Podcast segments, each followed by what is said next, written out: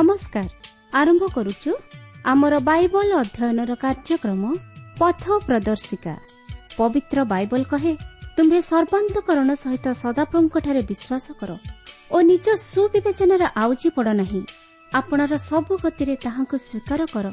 ତହିଁରେ ସେ ତୁମ୍ଭର ପଥ ସବୁ ସରଳ କରିବେ। ଆସନ୍ତୁ ସେହି ପଥ ପ୍ରଦର୍ଶକଙ୍କର ସନ୍ଧାନ ପାଇବା ନିମନ୍ତେ ଶୁଣିବା ବେତାର କାର୍ଯ୍ୟକ୍ରମ ପଥ ପ୍ରଦର୍ଶିକା।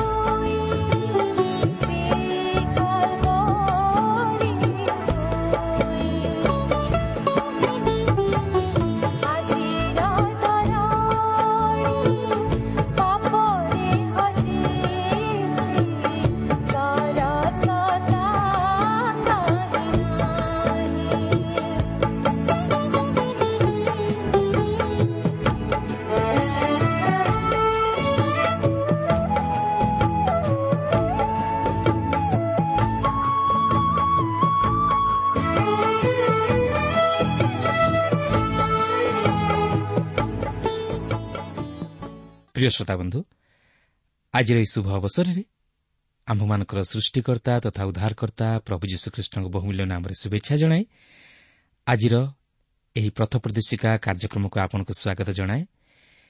ଆପଣଙ୍କର ସହଯୋଗ ତଥା ମତାମତ ନିମନ୍ତେ ବିଶେଷ ଧନ୍ୟବାଦ। ପ୍ରଭୁ ଯୀଶୁଙ୍କ ବିଷୟରେ ଅଧିକ ଜାଣିବା ନିମନ୍ତେ ଆପଣଙ୍କର ଆଗ୍ରହକୁ ଦେଖି ଆମେ ମଧ୍ୟ ବିଶେଷ ଖୁସି। ପ୍ରଭୁ ଆପଣଙ୍କୁ ଆଶୀର୍ବାଦ କରନ୍ତୁ। ଆହୁରି ଆହୁରି ଆତ୍ମିକ ଜୀବନରେ ବର୍ଦ୍ଧିଷ୍ଣୁ କରାନ୍ତୁ। ଆପଣଙ୍କର ପ୍ରାର୍ଥନାର ଅନୁରୋଧ ରକ୍ଷା କରି ଆମେ ମଧ୍ୟ ଆପଣଙ୍କ ନିମନ୍ତେ ପ୍ରାର୍ଥନା କରୁଅଛୁ। ଆଉ ସେହି ପ୍ରଭୁ ଯୀଶୁ ନିଶ୍ଚିତ ଭାବରେ ଆପଣଙ୍କର ସହବର୍ତ୍ତୀ ହୋଇ ସମସ୍ତ ବିଷୟରେ ସୁରକ୍ଷା ପ୍ରଦାନ କରିବେ। ତାହେଲେ ଆସନ୍ତୁ ଆଜିର ଏହି କାର୍ଯ୍ୟକ୍ରମ ମଧ୍ୟକୁ ଯିବା ପୂର୍ବରୁ ପ୍ରାର୍ଥନାର ସହିତ ପ୍ରଭୁଙ୍କର ବାକ୍ୟର ନିକଟବର୍ତ୍ତୀ ହେବା। ଆସନ୍ତୁ ପ୍ରାର୍ଥନା କରିବା।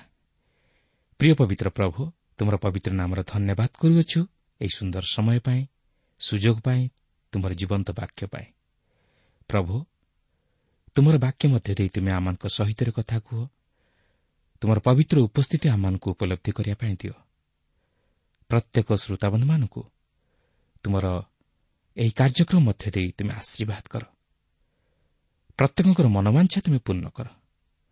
ପ୍ରତ୍ୟେକଙ୍କ ଜୀବନରେ ତୁମର ଇଚ୍ଛା ଓ ଅଭିମତ ତୁମେ ସଫଳ କର। ଏହି ସମସ୍ତ ପ୍ରାର୍ଥନା ଆମମାନଙ୍କର ଉଦ୍ଧାରକର୍ତ୍ତା ଜୀବିତ ପୁନରୁଦ୍ଧିତ ପ୍ରିୟ ପ୍ରଭୁ ଯୀଶୁଙ୍କ ନାମରେ ଏହି ଅଳ୍ପ ଭିକ୍ଷା ମାଗୁଅଛୁ।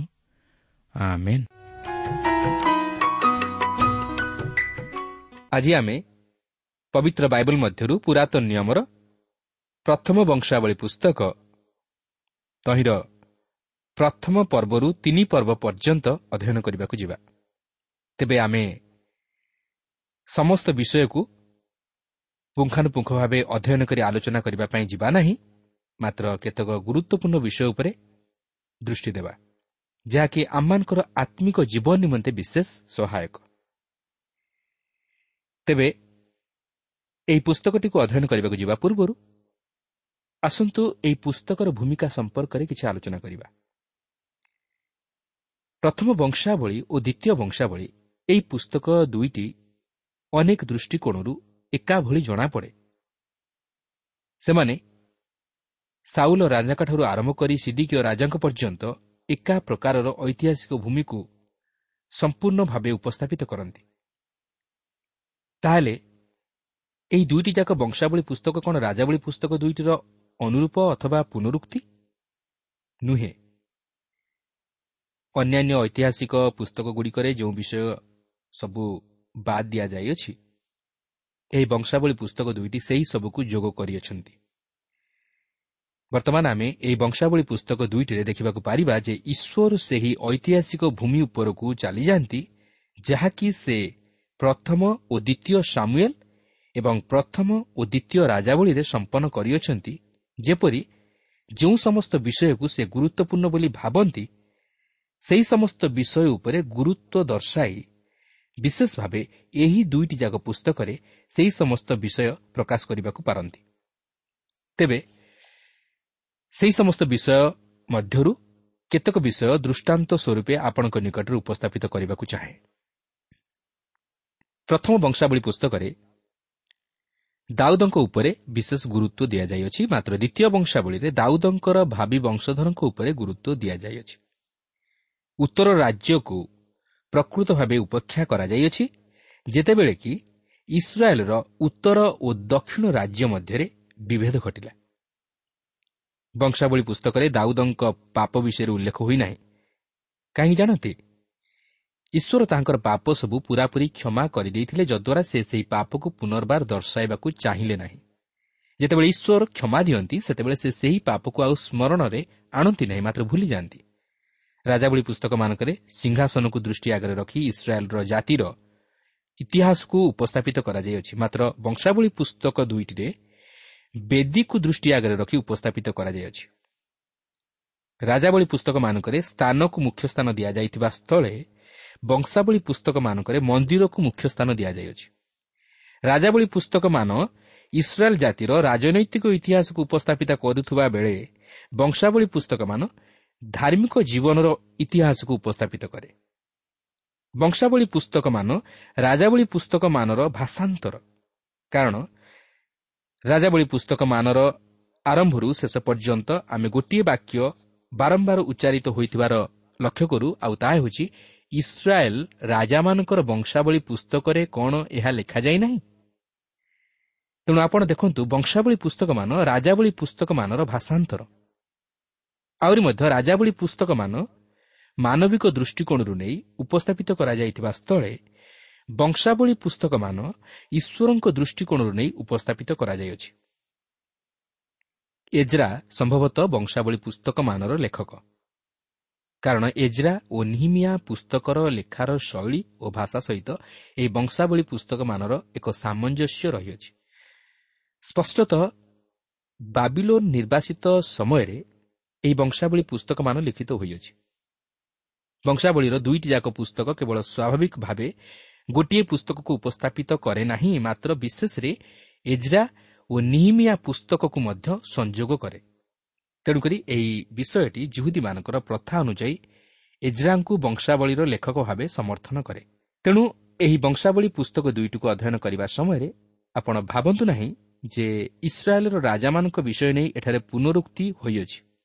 ମାତ୍ର ଈଶ୍ୱର ଯେଉଁ ଦୃଷ୍ଟିକୋଣରୁ ନେଇ ଏହି ପୁସ୍ତକ ଦୁଇଟିରେ ସମସ୍ତ ବିଷୟ ପ୍ରକାଶ କରିଅଛନ୍ତି ତାହା ବୁଝିବା ନିମନ୍ତେ ଚେଷ୍ଟା କରନ୍ତୁ। ତେଣୁ ମାନବିକ ଦୃଷ୍ଟିକୋଣରୁ ନେଇ ଏହି ପୁସ୍ତକ ଦୁଇଟିର ବିଷୟବସ୍ତୁଗୁଡ଼ିକୁ ବୁଝିବା ନିମନ୍ତେ ଚେଷ୍ଟା ନ କରି ଈଶ୍ୱରଙ୍କ ଦୃଷ୍ଟିକୋଣରୁ ନେଇ ବିଷୟବସ୍ତୁଗୁଡ଼ିକର ଭାବ ବୁଝିବା ନିମନ୍ତେ ଚେଷ୍ଟା କରିବା ଉଚିତ। ଉଦାହରଣ ସ୍ୱରୂପ ଦେଖନ୍ତୁ ରାଜାବଳୀ ପୁସ୍ତକରେ ଦାଉଦଙ୍କର ପାପ ବିଷୟରେ ଉଲ୍ଲେଖ ହୋଇଥିବା ସ୍ଥଳେ ବଂଶାବଳୀ ପୁସ୍ତକରେ ତାହା ଉଲ୍ଲେଖ ହୋଇନାହିଁ। ଯେହେତୁ ଈଶ୍ୱର ତାଙ୍କର ପାପ କ୍ଷମା କରିଥିବାରୁ ସେ ତାହା ଏହି ପୁସ୍ତକରେ ପ୍ରକାଶ କରିବାକୁ ଚାହିଁଲେ ନାହିଁ। ତେଣୁ ଏହିପରି ଅଧିକାଂଶ ବିଷୟ ଯାହା ଆପଣ ରାଜାବଳୀ ପୁସ୍ତକରେ ଦେଖିବାକୁ ପାଇବେ ନାହିଁ ଏହି ବଂଶାବଳୀ ପୁସ୍ତକରେ ତାହା ଦେଖିବାକୁ ପାରିବେ।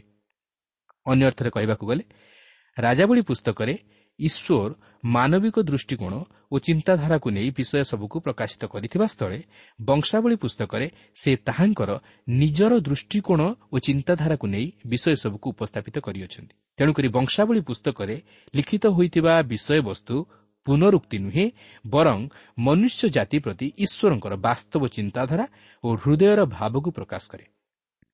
ପ୍ରଥମ ବଂଶାବଳୀର ପ୍ରଥମ ନଅଟି ପର୍ବରେ ଆମେ ବଂଶାବଳୀ ଦିଆଯାଇଥିବାର ଲକ୍ଷ୍ୟ କରିବାକୁ ପାରିବା ଓ ଅନେକ ଦୃଷ୍ଟିରୁ ଈଶ୍ୱରଙ୍କ ବାକ୍ୟ ମଧ୍ୟରେ ଏହି ଅଂଶଟି ଅତି ଗୁରୁତ୍ୱପୂର୍ଣ୍ଣ। କାରଣ ଯେକୌଣସି ବ୍ୟକ୍ତି ବିଷୟରେ ଜାଣିବାକୁ ହେଲେ ଆମେ ତାହାର ବଂଶଧରମାନଙ୍କ ବିଷୟରେ ମଧ୍ୟ ଜାଣିବାକୁ ହେବ। ତେବେ ଆମେ ଏହି ପ୍ରଥମ ବଂଶାବଳୀର ପ୍ରଥମ ନଅଟି ପର୍ବକୁ ପୁଙ୍ଖାନୁପୁଙ୍ଖ ଭାବେ ଆଲୋଚନା କରିବାକୁ ଯିବା ନାହିଁ ମାତ୍ର ଏହାର କେତେକ ମୁଖ୍ୟ ଅଂଶ ଉପରେ ଟିକେ ଦୃଷ୍ଟିପାତ କରିବା। କିନ୍ତୁ ଆପଣଙ୍କ ପାଖରେ ଯଦି ପବିତ୍ର ବାଇବଲ ଥାଏ ତାହେଲେ ଆପଣ ଏହି ପର୍ବଗୁଡ଼ିକୁ ଆପଣଙ୍କର ବ୍ୟକ୍ତିଗତ ବାଇବଲ ଅଧ୍ୟୟନ ସମୟରେ ପାଠ କରିନେବେ। ଯଦି କୌଣସି ବିଷୟ ବୁଝି ନ ପାରନ୍ତି ତାହେଲେ ପତ୍ର ମାଧ୍ୟମରେ ଆମକୁ ଲେଖି ଜଣାଇଲେ। ଆମେ ତାହା ପତ୍ର ମାଧ୍ୟମରେ ଆପଣଙ୍କୁ ବୁଝାଇ ଦେବା ନିମନ୍ତେ ଚେଷ୍ଟା କରିବୁ। ତେବେ ଦେଖନ୍ତୁ ଏହି ପୁସ୍ତକଟି କିପରି ଆରମ୍ଭ ହୁଏ। ପ୍ରଥମ ବଂଶାବଳୀ ପ୍ରଥମ ପର୍ବର ପ୍ରଥମ ଚାରିପଦରେ ଏହିପରି ଲେଖା ଅଛି। Adam Seth Enosh Kenan Mahalalel Jared Enoch Methuselah Lamech Noah Shem Ham ଓ ଜେଫତ। ଏହି ସମସ୍ତ ବ୍ୟକ୍ତିମାନଙ୍କର ନାମଗୁଡ଼ିକ ଆମେ ଏଠାରେ ଉଲ୍ଲେଖ ହୋଇଥିବାର ଲକ୍ଷ୍ୟ କରୁଅଛୁ ଯାହାକି ଆମେ ଆଦି ପୁସ୍ତକର ପ୍ରଥମ ଆଠଟି ପର୍ବରେ ଅଧ୍ୟୟନ କରିସାରିଛୁ। ଆପଣ ଯେତେବେଳେ ଏହି ବଂଶାବଳୀକୁ ଅଧ୍ୟୟନ କରିବେ ସେତେବେଳେ ଲକ୍ଷ୍ୟ କରିବାକୁ ପାରିବେ ଯେ ଆଦି ପୁସ୍ତକର ଯେଉଁ ପ୍ରକାରେ ବଂଶାବଳୀକୁ ଉପସ୍ଥାପିତ କରାଯାଇଅଛି ଏଠାରେ ମଧ୍ୟ ଠିକ୍ ସେହିପରି ଭାବେ ଉପସ୍ଥାପିତ କରାଯାଇଅଛି। ତାହା ହେଉଛି ଯେ ଯେଉଁ ବଂଶଗୁଡ଼ିକ ଅଗ୍ରାହ୍ୟ ହୋଇଅଛନ୍ତି ସେମାନଙ୍କୁ ପ୍ରଥମରେ ଉପସ୍ଥାପିତ କରାଯାଇଅଛି ଓ ଯେଉଁ ବଂଶଗୁଡ଼ିକ ଆମମାନଙ୍କର ପ୍ରଭୁ ଯୀଶୁଖ୍ରୀଷ୍ଟଙ୍କ ଆଡ଼କୁ ପବିତ୍ର ଧର୍ମଶାସ୍ତ୍ର ମଧ୍ୟରେ ଅନୁଗାମୀ ହୋଇଅଛନ୍ତି ସେମାନଙ୍କୁ ଶେଷରେ ଉପସ୍ଥାପିତ କରାଯାଇଅଛି। ପ୍ରଥମ ପର୍ବର ପାଞ୍ଚ ପଦରୁ ଷୋହଳ ପଦ ମଧ୍ୟରେ ଲକ୍ଷ୍ୟ କଲେ ଆପଣ ଦେଖିବାକୁ ପାରିବେ ଯେ ପ୍ରଥମେ ଜେଫତ୍ର ସନ୍ତାନମାନଙ୍କ ନାମ ଉଲ୍ଲେଖ ହୋଇଅଛି ଓ ଏହାପରେ ହାମର ସନ୍ତାନମାନଙ୍କ ନାମ ଉଲ୍ଲେଖ ହୋଇଅଛି ଓ ଶେଷରେ ସେମର ସନ୍ତାନମାନଙ୍କ ନାମ ଉଲ୍ଲେଖ ହୋଇଅଛି ଓ କେବଳ ସେମର ବଂଶ ବିଷୟରେ ହିଁ କ୍ରମାନ୍ୱୟେ ଉଲ୍ଲେଖ ହୋଇଅଛି ଓ ସେମ ବଂଶଧର ଅବ୍ରାହମଙ୍କ ଆଡ଼କୁ ଗତି କରିଅଛନ୍ତି ଯାହାକି ଆପଣ ଏହି ପ୍ରଥମ ବଂଶାବଳୀର ପ୍ରଥମ ପର୍ବର ସତରରୁ ଅଠେଇଶ ପଦ ମଧ୍ୟରେ ଉଲ୍ଲେଖ ହୋଇଥିବାର ଲକ୍ଷ୍ୟ କରିବାକୁ ପାରିବେ। ଏହାପରେ ଅବ୍ରାହମଙ୍କର ବଂଶଧରମାନଙ୍କ ବିଷୟରେ ଉଲ୍ଲେଖ ହୋଇଅଛି ଯାହାକି ଆପଣ ପ୍ରଥମ ପର୍ବର ଅଣତିରିଶ ପଦରୁ ଚଉତିରିଶ ପଦ ମଧ୍ୟରେ ଲକ୍ଷ୍ୟ କରିବାକୁ ପାରିବେ। ଆପଣ ଜାଣିଥିବେ ଯେ ଅବ୍ରାହମଙ୍କର ଦୁଇ ପୁତ୍ର ଥିଲେ। ସେମାନଙ୍କ ନାମ ଥିଲା ଇସ୍ମାଇଲ ଓ ଇସାହାକ। ଓ ଅବ୍ରାହମଙ୍କର କଟୁରା ନାମିନୀ ସ୍ତ୍ରୀଠାରୁ ମଧ୍ୟ ଅନେକ ପୁତ୍ର ସନ୍ତାନ ଜାତ ହୋଇଥିଲେ। ତେବେ ପ୍ରଥମେ ଏହି ପ୍ରଥମ ପର୍ବର ଅଣତିରିଶ ପଦରୁ ଏକତିରିଶ ପଦରେ ଇସ୍ମାଇଲ ବଂଶଧରଙ୍କର ନାମ ଉଲ୍ଲେଖ ହୋଇଅଛି ଓ ଏହାପରେ ବତିଶ ପଦରୁ ତେତିଶ ପଦ ମଧ୍ୟରେ କଟୁରାର ଔରସରୁ ଜାତ ଅବ୍ରାହମଙ୍କର ଅନ୍ୟାନ୍ୟ ପୁତ୍ରମାନଙ୍କର ନାମ ଉଲ୍ଲେଖ ହୋଇଅଛି ଓ ଶେଷରେ ଚଉତିରିଶ ପଦରେ ଇସାହାକଙ୍କ ନାମ ଉଲ୍ଲେଖ ହୋଇଅଛି। ଏହାପରେ ଇସାହାକଙ୍କ ବଂଶଧରଙ୍କ ନାମ ଉଲ୍ଲେଖ ହୋଇଅଛି। ଆପଣ ଜାଣିଥିବେ ଯେ ଇସାହାକଙ୍କର ଦୁଇ ପୁତ୍ର ଜାତ ହୋଇଥିଲେ ସେମାନଙ୍କ ନାମ ହେଲା ଏସୋଉ ଓ ଜାକୁବ ବା ଇସ୍ରାଏଲ୍। କାରଣ ଜାକୁବ ଇସ୍ରାଏଲ୍ ନାମରେ ନାମିତ ହୋଇଥିଲେ ଓ ତାହାଙ୍କ ଔରସରୁ ଇସ୍ରାଏଲ୍ର ଦ୍ୱାଦଶ ଗୋଷ୍ଠୀ ଉତ୍ପନ୍ନ ହୋଇଥିଲେ। ତେବେ ଇସାହାକଙ୍କର ଦୁଇ ପୁତ୍ର ଏସୌ ଓ ଜାକୁବଙ୍କ ମଧ୍ୟରୁ ପ୍ରଥମେ ଏସୌର ବଂଶାବଳୀ ଉଲ୍ଲେଖ ହୋଇଅଛି ଯାହାକି ଆମେ ଏହି ପ୍ରଥମ ବଂଶାବଳୀର ପ୍ରଥମ ପର୍ବର ପଇଁତିରିଶରୁ ଚଉବନ ପଦ ମଧ୍ୟରେ ଲକ୍ଷ୍ୟ କରିବାକୁ ପାରିବା। କିନ୍ତୁ ସେ ଯାହା ହେଉନା କାହିଁକି ଯେଉଁ ବଂଶ ପ୍ରଭୁ ଯୀଶୁଖ୍ରୀଷ୍ଟଙ୍କ ଆଡ଼କୁ କଢ଼ାଇ ନେଉଛନ୍ତି ସେହି ବଂଶ ଇସାକଙ୍କର ଅନ୍ୟ ପୁତ୍ର ଅର୍ଥାତ୍ ଜାକୁବଙ୍କ ବଂଶଧର। ତେବେ ଏହି ଜାକୁବଙ୍କ ବଂଶ ଜାକୁବଙ୍କ ଅନ୍ୟ ନାମ ଇସ୍ରାଏଲ୍ ଅନୁଯାୟୀ ଇସ୍ରାଏଲ୍ ବଂଶ ଭାବରେ ପରିଚିତ ହେଲେ। ଆସନ୍ତୁ ଆମେ ଏହି ପ୍ରଥମ ବଂଶାବଳୀ ଦୁଇ ପର୍ବରେ ଜାକୁବଙ୍କ ବଂଶଧରଙ୍କ ବିଷୟ ନେଇ ଲକ୍ଷ୍ୟ କରିବାକୁ ଯିବା। ଯେହେତୁ ଜାକୁବଙ୍କ ବା ଇସ୍ରାଏଲ୍ ବଂଶ ପ୍ରଭୁ ଯୀଶୁଙ୍କ ଆଡ଼କୁ କଢ଼ାଇ ନିଅନ୍ତି। ପ୍ରଥମ ବଂଶାବଳୀ ଦୁଇ ପର୍ବରେ ଜାକୁବଙ୍କ ବଂଶାବଳୀ ପ୍ରଦାନ କରାଯାଇଅଛି ଓ ଏହା ନଅ ପର୍ବ ପର୍ଯ୍ୟନ୍ତ ବର୍ଣ୍ଣିତ ହୋଇଅଛି। ତେବେ ଜାକୁବଙ୍କ ଔରସରୁ ଯେଉଁ ପୁତ୍ରମାନେ ଜାତ ହେଲେ ସେମାନଙ୍କ ବିଷୟ ନେଇ ଆପଣଙ୍କୁ କିଛି ଜଣାଇବାକୁ ଚାହେଁ। ଜାକୁବଙ୍କ ଔରସରୁ ଯେଉଁ ବାରଟି ସନ୍ତାନ ଜାତ ହେଲେ ସେମାନଙ୍କ ନାମ ଏହି ଦୁଇ ପର୍ବର ପ୍ରଥମ ଦୁଇ ପଦରେ ଲେଖା ଅଛି। ଦେଖନ୍ତୁ ଏଠାରେ ଏହି ଦୁଇ ପର୍ବର ପ୍ରଥମ ଦୁଇ ପଦରେ ଏହିପରି ଲେଖା ଅଛି ଏମାନେ ଇସ୍ରାଏଲ୍ର ପୁତ୍ରଗଣ ଯଥା ରୁବେନ୍ ସିମିଓନ୍ ଲେବି ଓ ଜିହୁଦା ଇସାଖର ଓ ସବଲୁନ୍ ଦାନ ଜୋସେଫ ଓ ବିନ୍ୟାମିନ୍ ନପ୍ତାଲି ଗାଦ ଓ ଆସେର। ଏମାନେ ହେଲେ ଜାକୁବଙ୍କର ଦ୍ୱାଦଶ ପୁତ୍ର ଓ ଏହି ଦ୍ୱାଦଶ ପୁତ୍ରଙ୍କଠାରୁ ଇସ୍ରାଏଲ୍ର ଦ୍ୱାଦଶ ଗୋଷ୍ଠୀ ଉତ୍ପନ୍ନ ହେଲେ। ତେବେ ଯେତେବେଳେ ଆମେ ଏହି ଦୁଇ ପର୍ବର ପନ୍ଦର ପଦକୁ ଆସୁଅଛୁ ଏଠାରେ ଆମେ ଜିହୁଦାର ଗୋଷ୍ଠୀ ମଧ୍ୟରୁ ଯୀଶିଙ୍କର ବଂଶଧରକୁ ଦେଖୁଅଛୁ। ଓ ଏହି ଯୀଶିଙ୍କର ପୁତ୍ରମାନଙ୍କ ମଧ୍ୟରୁ ଦାଉଦ ଏକ ପୁତ୍ର ଥିଲେ। ବର୍ତ୍ତମାନ ଆମେ ଦାଉଦଙ୍କ ବଂଶ ବିଷୟରେ ଲକ୍ଷ୍ୟ କରିବାକୁ ପାରିବା କାରଣ ପ୍ରଭୁ ଯୀଶୁଖ୍ରୀଷ୍ଟ ଏହି ଦାଉଦଙ୍କ ବଂଶରେ ଜନ୍ମଗ୍ରହଣ କରିବାକୁ ଥିଲା ଓ ଦାଉଦଙ୍କ ପୁତ୍ର ବା ଦାଉଦ ସନ୍ତାନ ନାମରେ ନାମିତ ହେବାକୁ ଥିଲା। ଦେଖନ୍ତୁ ପ୍ରଥମ ବଂଶାବଳୀ ଦୁଇ ପର୍ବର ବାର ପଦରୁ ପନ୍ଦର ପଦ ମଧ୍ୟରେ ଏହିପରି ଲେଖା ଅଛି। ବୋୟଜ ଓବେଦକୁ ଜାତ କଲା ଓବେଦ ଜିସିକି ଜାତ କଲା ପୁଣି ଜିସି ଆପଣା ଜ୍ୟେଷ୍ଠ ଇଲିଆବକୁ ଓ ଦ୍ୱିତୀୟ ଅବିନାଦବକୁ ଓ ତୃତୀୟ ସମ୍ମକୁ ଚତୁର୍ଥ ନଥନେଲକୁ ପଞ୍ଚମ ରବୟକୁ ଷଷ୍ଠ ଓତ୍ସମକୁ ସପ୍ତମ ଦାଉଦଙ୍କୁ ଜାତ କଲା। ଏଠାରେ ଆମେ ଦାଉଦଙ୍କର ପରିଚୟ ପାଉଅଛୁ ଯାହାଙ୍କ ବଂଶରୁ ପ୍ରଭୁ ଯୀଶୁଖ୍ରୀଷ୍ଟଙ୍କର ଏହି ଜଗତକୁ ଆଗମନ କରିବାକୁ ଥିଲା। ତେବେ ଏଇଠାରେ ଆମେ ଦୁଇ ପର୍ବଟିକୁ ଛାଡ଼ି ତିନି ପର୍ବ ମଧ୍ୟକୁ ଯିବା। ଏହି ତିନି ପର୍ବ ଦାଉଦଙ୍କ ପରିବାର ବିଷୟ ନେଇ ଏକ ବିବରଣୀ ପ୍ରଦାନ କରେ। ଏବଂ ଆମେ ଦେଖିବାକୁ ପାରିବା ଯେ ଦାଉଦଙ୍କର ମଧ୍ୟ କେତେକ ପୁତ୍ର ଥିଲେ ଯେଉଁମାନଙ୍କ ବିଷୟ ନେଇ ଆମେ ପୂର୍ବରୁ ଜାଣିନଥିଲୁ। ସେମାନଙ୍କ ବିଷୟରେ ସାମୁଏଲ ପୁସ୍ତକ କିମ୍ବା ରାଜାବଳୀ ପୁସ୍ତକରେ କିଛି ଲେଖାଯାଇ ନାହିଁ। କିନ୍ତୁ ଏଠାରେ ଏହି ତିନି ପର୍ବର ପ୍ରଥମ ନଅ ପଦରେ ସେମାନଙ୍କ ବିଷୟ ନେଇ ଏହିପରି ଲେଖା ଅଛି। ଦେଖନ୍ତୁ ଏହି ପ୍ରଥମ ବଂଶାବଳୀ ତିନି ପର୍ବର ପ୍ରଥମ ନଅ ପଦରେ ଏହିପରି ଲେଖା ଅଛି ଦାଉଦଙ୍କର ଏହି ପୁତ୍ରମାନେ ହିବ୍ରୋଣରେ ଜାତ ହୋଇଥିଲେ। ଜ୍ୟେଷ୍ଠ ପୁତ୍ର ଅମ୍ନୁନ୍ ସେ ଜିଶ୍ରିଏଲିଆ ଅହିନୋଏମ୍ ଠାରୁ ଜାତ ଦ୍ୱିତୀୟ ଦାନିଏଲ ସେ କର୍ମିଲିଆ ଅବିଗଲଠାରୁ ଜାତ। ତୃତୀୟ ଅବସାଲମ ସେ ଗସୁରର ରାଜା ତଲ୍ମୟର କନ୍ୟା ମାଖାର ପୁତ୍ର। ଚତୁର୍ଥ ଅଦୋନୀୟ ସେ ହଗିତର ପୁତ୍ର। ପଞ୍ଚମ ସଫଟିୟ ସେ ଅବିଟଲ୍ଠାରୁ ଜାତ। ଷଷ୍ଠ ଜିତ୍ରିୟମ୍ ସେ ଦାଉଦଙ୍କର ଭାର୍ଯ୍ୟା ଇଗ୍ଲାଠାରୁ ଜାତ। ହିବ୍ରୋଣରେ ଦାଉଦଙ୍କର ଛଅ ପୁତ୍ର ଜାତ ହେଲେ ଓ ସେଠାରେ ସେ ସାତ ବର୍ଷ ଛଅ ମାସ ରାଜ୍ୟ କଲେ। ପୁଣି ସେ ଜିରୁସାଲମରେ ତେତିଶ ବର୍ଷ ରାଜ୍ୟ କଲେ। ଜିରୁସାଲମରେ ତାଙ୍କର ଏହି ପୁତ୍ରମାନେ ଜାତ ହୋଇଥିଲେ ଯଥା ସିମିୟ ଓ ସୋବବ ଓ ନାଥନ ଓ ସଲମନ। ଏହି ଚାରିଜଣ ଅମିଏଲ୍ର କନ୍ୟା ବତ୍ସୁୟାଠାରୁ ଜାତ। ଆହୁରି ଜିଭର ଓ ଇଲିସାମା ଓ ଇଲିଫେଲ୍ଟ ନୋଗହ ଓ ନେଫଗ ଓ ଜାଫିଅ ଇଲିସାମା ଓ ଇଲିଆଦା ଓ ଇଲିଫେଲ୍ଟ ଏହି ନଅ ଜଣ। ଏ ସମସ୍ତେ ଦାଉଦଙ୍କର ପୁତ୍ର। ଏମାନେ ଉପପତ୍ନୀ ଗଣର ସନ୍ତାନମାନଙ୍କଠାରୁ ଭିନ୍ନ ଆଉ ତାମର ଏମାନଙ୍କର ଭଗିନୀ ଥିଲା। ତେବେ ଏଠାରେ ମୁଁ ଦାଉଦଙ୍କର ଦୁଇ ପୁତ୍ରଙ୍କ ଉପରେ ଆପଣଙ୍କର ଦୃଷ୍ଟି ଆକର୍ଷଣ କରିବାକୁ ଚାହେଁ। ସେମାନେ ହେଲେ ସଲମନ ଓ ନାଥନ। କିନ୍ତୁ ଆପଣ ଅନ୍ୟ ପୁତ୍ରମାନଙ୍କ ବିଷୟରେ କେବେ ଶୁଣିଅଛନ୍ତି କି? ନୁହେଁ। ଆମେ କେବଳ ସଲମନ ଓ ନାଥନକୁ ଜାଣୁ। ତେବେ ଏହି ନାଥନ ଓ ସଲମନଙ୍କ ବଂଶଧର ସହିତ ପ୍ରଭୁ ଯୀଶୁଖ୍ରୀଷ୍ଟଙ୍କର ସମ୍ପର୍କ ରହିଲା କିପରି?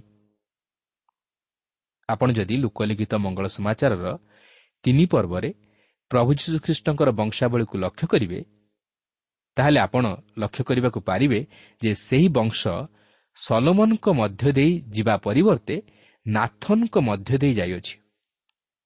କାରଣ ପ୍ରଭୁ ଯୀଶୁଖ୍ରୀଷ୍ଟଙ୍କର ମାତା ମରିୟମ ନାଥନଙ୍କ ମଧ୍ୟ ଦେଇ ତାଙ୍କର ପୂର୍ବପୁରୁଷ ବଂଶଧରଙ୍କ ଉପରେ ଜୋର ଦେଉଥିବା ସ୍ଥଳେ ଜୋସେଫଙ୍କ ବଂଶାବଳୀ ସଲୋମନଙ୍କ ମଧ୍ୟ ଦେଇ ଗୁରୁତ୍ୱାରୋପ କରେ ଯାହାକି ଆପଣ ମାଥ୍ୟୁ ଲିଖିତ ସୁଷମାଚାର ମଧ୍ୟରେ ଲକ୍ଷ୍ୟ କରିବାକୁ ପାରିବେ।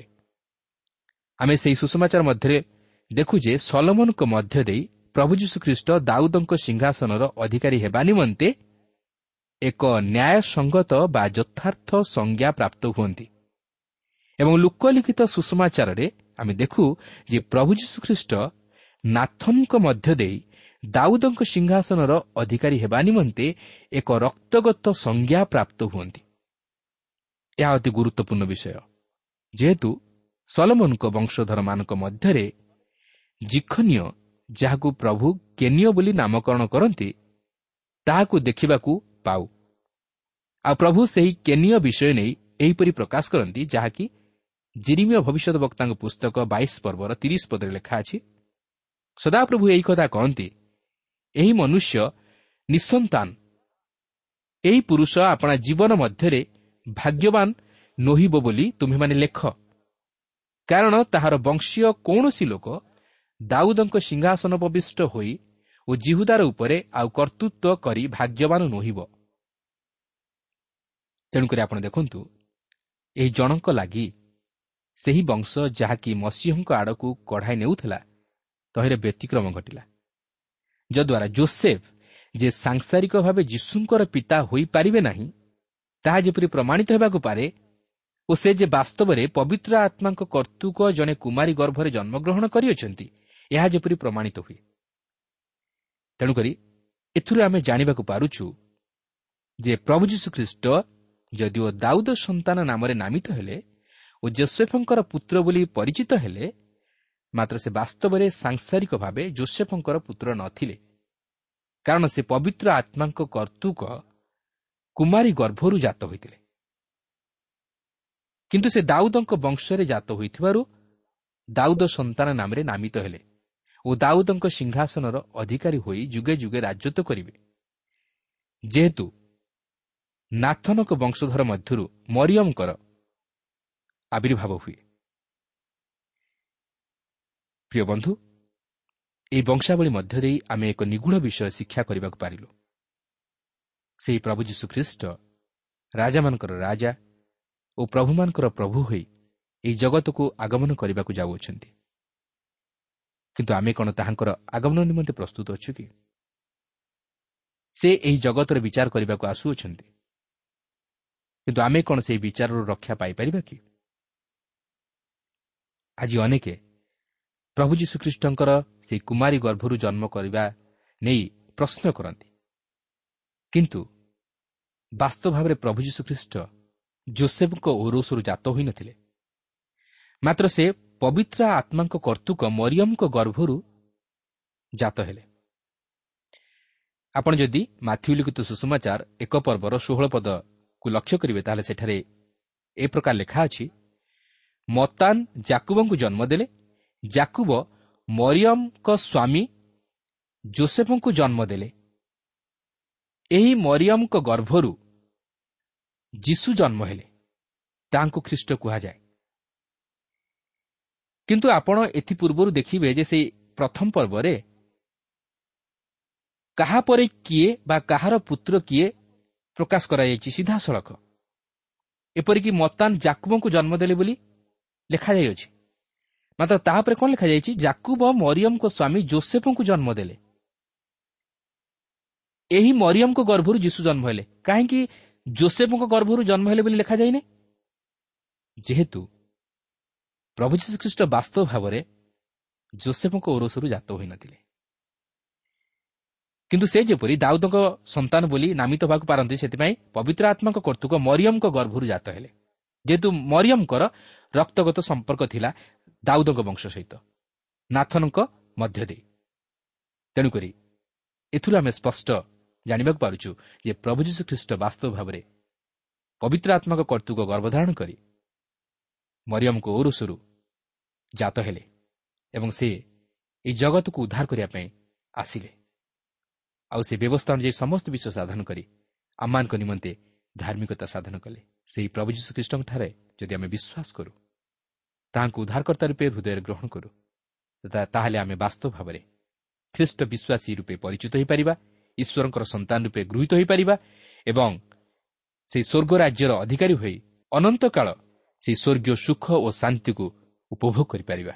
କ'ଣ ଆମେ ତାହା ଚାହୁଁନାହୁଁ କି? ନିଶ୍ଚିତ ଭାବରେ। ତେଣୁ ସେଥିପାଇଁ ପ୍ରସ୍ତୁତ ହେଉ। ପ୍ରିୟ ବନ୍ଧୁ ପ୍ରଭୁ ଆଜି ଆମମାନଙ୍କୁ ଏହି ସୁଯୋଗ ଦେଇଅଛନ୍ତି ଯେପରି ଆମମାନେ ସୁଯୋଗର ସଦ୍ବ୍ୟବହାର କରି ତାହାଙ୍କର ନିକଟବର୍ତ୍ତୀ ହେଉ। ତାହେଲେ ସେ ଆମମାନଙ୍କୁ ସୁରକ୍ଷା କରିବେ ସେ ଆମମାନଙ୍କୁ ଉଦ୍ଧାର କରିବେ ସେ ଆମମାନଙ୍କ ଜୀବନରେ ତାହାଙ୍କର ଇଚ୍ଛା ସଫଳ କରିବେ। ଅନେକ ସମୟରେ ଆମମାନଙ୍କର ଅବିଶ୍ୱାସ ନେଇ ଆମେ ଈଶ୍ୱରଙ୍କର ଆଶୀର୍ବାଦରୁ ବଞ୍ଚିତ ହେଉ ଈଶ୍ୱରଙ୍କର ଅନୁଗ୍ରହରୁ ବଞ୍ଚିତ ହେଉ। କିନ୍ତୁ ପ୍ରଭୁ ଚାହାନ୍ତି ଆମମାନଙ୍କ ଜୀବନରୁ ସେହି ବିଶ୍ୱାସ। ଯଦି ଆମେ ପ୍ରଭୁ ଯୀଶୁଙ୍କଠାରେ ବାସ୍ତବରେ ବିଶ୍ୱାସ କରୁ ତାହେଲେ ସେ ଆମଙ୍କର ସହବର୍ତ୍ତୀ ହେବେ। ସେ ଆମମାନଙ୍କୁ ଉଦ୍ଧାର କରିବେ। ସେ ଆମମାନଙ୍କ ଜୀବନରେ ତାହାଙ୍କର ମହତ୍ ଅଭିମତକୁ ମଧ୍ୟ ସଫଳ କରିବେ। ତେଣୁ ପ୍ରିୟ ବନ୍ଧୁ ମୋର ଅନୁରୋଧ ଆଜି ଏହି ବାକ୍ୟ ମଧ୍ୟ ଦେଇ ଯଦି ପ୍ରଭୁ ଆପଣଙ୍କ ହୃଦୟରେ କଥା କହିଅଛନ୍ତି ତାହେଲେ ଆଉ ଅପେକ୍ଷା କରନ୍ତୁ ନାହିଁ କାଲି ପାଇଁ। କାରଣ କିଏ ଜାଣେ? ପରବର୍ତ୍ତୀ ପଦକ୍ଷେପରେ ଆମମାନଙ୍କ ଜୀବନ ପାଇଁ କ'ଣ ଅଛି? ତେଣୁ ଆସୁ ସୁଯୋଗର ସଦ୍ବ୍ୟବହାର କରି ପାପରୁ ଉଦ୍ଧାରପ୍ରାପ୍ତ ହୋଇ ଅନନ୍ତ ଜୀବନର ଅଧିକାରୀ ହେଉ। ପ୍ରଭୁ ଚାହାନ୍ତି ଯେପରି ଆମମାନେ ତାହାଙ୍କୁ ଅବିଶ୍ୱାସ ନ କରୁ ତାହାଙ୍କୁ ସନ୍ଦେହ ନ କରୁ ମାତ୍ର ତାହାଙ୍କୁ ବିଶ୍ୱାସର ସହିତ ନିଜ ହୃଦୟରେ ଗ୍ରହଣ କରୁ। ଅନେକ ସମୟରେ ଶୈତାନ କ'ଣ କରେ ଆମମାନଙ୍କର ଜୀବନ ମଧ୍ୟରେ ଅନେକ ପ୍ରକାର ଅବିଶ୍ୱାସ ଓ ସନ୍ଦେହ ଆଣିଦେଇଥାଏ ଏପରିକି ଆମେ ପ୍ରଭୁଙ୍କର ବାକ୍ୟ ଅଧ୍ୟୟନ କରିବା ସମୟରେ ଶୈତାନ ମଧ୍ୟ ଆମମାନଙ୍କୁ ବ୍ୟତିବ୍ୟସ୍ତ କରି ବିବ୍ରତ କରେ। ଆମମାନଙ୍କର ମନ ମଧ୍ୟ ଅନେକ ପ୍ରକାର ସନ୍ଦେହ ଜାତ କରାଏ। କିନ୍ତୁ ଆମେ ଯଦି ଶୈତାନର ଏହି ସମସ୍ତ ବିଷୟକୁ ମନ ମଧ୍ୟରେ ଧାରଣ ନ କରି ଯଦି ଆମେ ପ୍ରଭୁଙ୍କର ବାକ୍ୟରେ ସମ୍ପୂର୍ଣ୍ଣ ବିଶ୍ୱାସ କରିବା ଏବଂ ପ୍ରଭୁ ଯୀଶୁ ଯେ ମୋ ଜୀବନର ଉଦ୍ଧାରକର୍ତ୍ତା ସେ ଯେ ମୋ ପାଇଁ ଏହି ଜଗତରେ ଆପଣଙ୍କର ପ୍ରାଣ ଦାନ କରିଅଛନ୍ତି ସେ ଯେ ମୋର ପାପ ନିମନ୍ତେ ଉଦ୍ଧାର ସାଧନ କରିଅଛନ୍ତି ଏହି ବିଶ୍ୱାସ ଯଦି ଆମମାନେ ପ୍ରଭୁଙ୍କଠାରେ ସ୍ଥାପନ କରୁ ତାହେଲେ ସେ ଆମମାନଙ୍କୁ ଉଦ୍ଧାର କରି ସେ ଅନନ୍ତ ଜୀବନର ପଥରେ କଢ଼ାଇ ନେବେ। ପ୍ରଭୁ ପ୍ରତ୍ୟେକଙ୍କୁ ସେହି ଦୃଢ଼ ବିଶ୍ୱାସ ଦାନ କରନ୍ତୁ।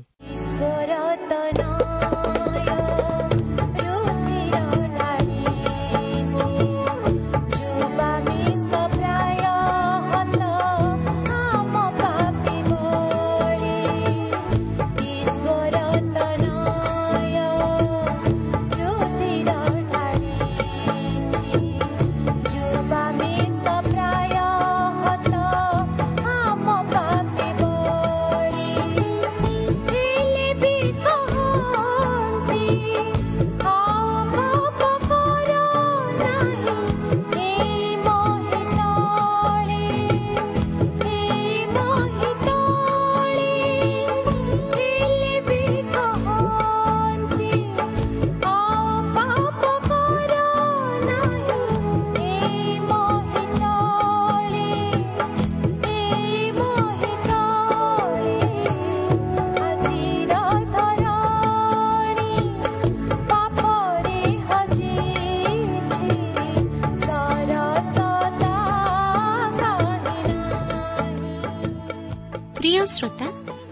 আমার কার্যক্রম নিয়মিত শুণুবার অশেষ ধন্যবাদ আপনার এই কার্যক্রম শুণবা দ্বারা আত্মিক জীবনের উপকৃত হয়ে পে বলে আমার বিশ্বাস প্রভু শিশু বিষয়ে অধিক জাণবার আগ্রহ লে অথবা উপাদেয় পুস্তকর আবশ্যক লে আমসহ যোগাযোগ করতু আমার ঠিকনা পথ প্রদর্শিকা trans world radio India post box number তিন তিন ভুবনেশ্বর সাত পাঁচ এক শূন্য শূন্য এক mobile number nine seven double seven double two one four one five ଠିକଣାଟି ଆଉଥରେ ଶୁଣନ୍ତୁ।